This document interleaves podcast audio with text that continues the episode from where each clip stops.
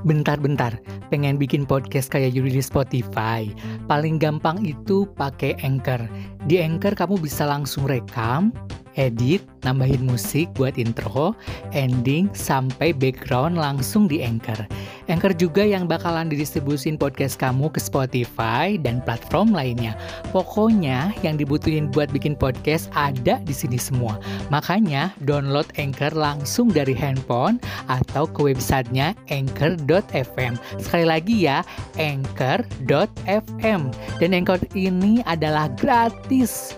Yes, gratis. Jangan lupa ya, Anchor inget gratis. Pokoknya gratis, gratis terus. Di area julid kali ini Yudi bakalan bahas yang namanya Rans Entertainment. Yang katanya kemarin ditunjuk sebagai IO pada acara yang katanya Istiqosa Akbar di GBK kemarin.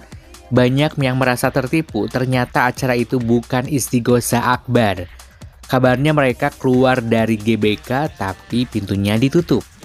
Komisaris di Rans Entertainment, Kaisang, fungsi saya mukulin Mas Rapi. Kita cari tahu aja di area julid hanya di Podcast Yudi.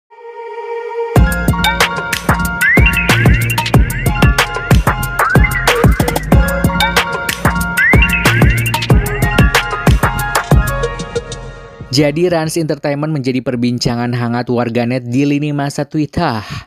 Senin tanggal 28 November 2022, bahkan pembahasan topik perusahaan Raffi Ahmad itu hingga pukul 21.30 waktu Indonesia Barat sudah dicuitkan 4.424 kali di Twitter. Hal itu setelah Rans Entertainment diketahui menjadi penyelenggara acara relawan Jokowi bertajuk Nusantara Bersatu yang digelar di GBK pada hari Sabtu kemarin yang banyak disoroti publik. Rapi Ahmad sendiri datang ke acara itu dan mengaku bersyukur acara yang dihadiri ratusan ribu orang itu berjalan sukses.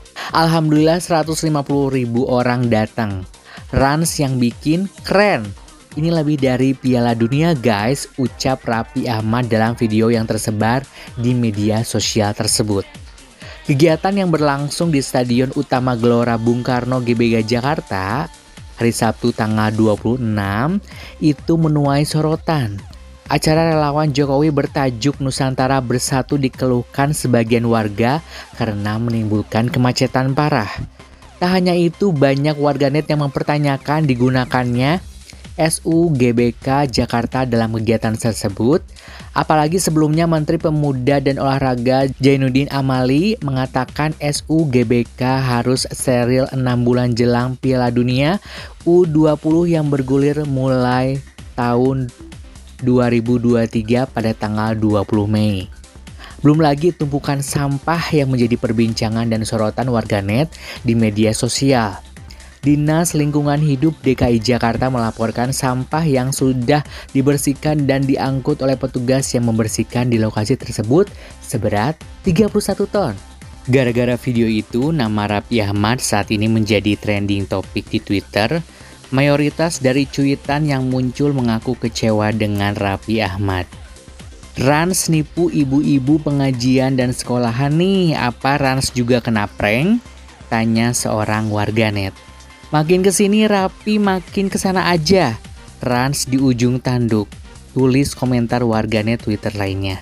Setelah menyaksikan video ini, saya blok atau boykot seluruh yang terkait Rapi Ahmad. Tulis warganet lainnya yang telah disukai lebih dari seribu pengguna.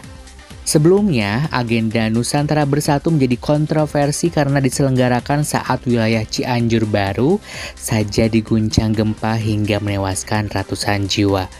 Ada juga dugaan banyak peserta Nusantara Bersatu yang merasa ditipu ketika tahu bahwa acara yang mereka hadiri bukan acara keagamaan, melainkan acara berbau politik.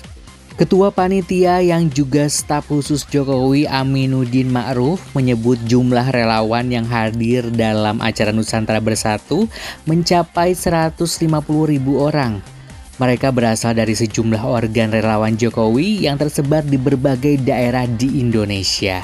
Para relawan yang hadir dalam Nusantara Bersatu akan membacakan deklarasi Risalah Nusantara oleh perwakilan dari setiap provinsi. Deklarasi ini dibacakan karena para relawan ingin satu komando di bawah arahan Jokowi menuju Indonesia Emas 2045 nanti.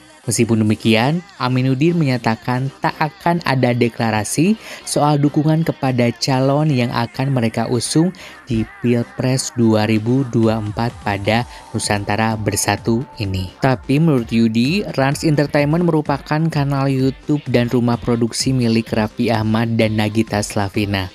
Nama Rans berasal dari gabungan nama Raffi Ahmad, RA, dan Nagita Slavina, NS. Keduanya memilih YouTube sebagai media awal penyiaran, Rans Entertainment jadi Rans Entertainment itu netral. Sabar ya Arab Ahmad, kita tahu apa pasti nggak sekali dua kali ngalamin musibah gini. Biarin saja, mereka mah netizen nggak ada kerjaan yang hobi nyari celah, padahal nggak ada untungnya. Mending harapi si pekerja keras sampai bisa sukses ini ngebangun Trans Entertainment. Terima kasih yang sudah mendengarkan podcast Yudi di area Juli kali ini. Jangan lupa untuk di follow Instagram kami di @podcastyudi dan jangan lupa untuk traktirannya di traktir.id. Yudi pamit, Marki Cap, Marki Bread. Mari kita cabut, mari kita mabret. Bye. The podcast is finished. Thanks for the time spent together. Next one's coming soon. Next one's coming soon.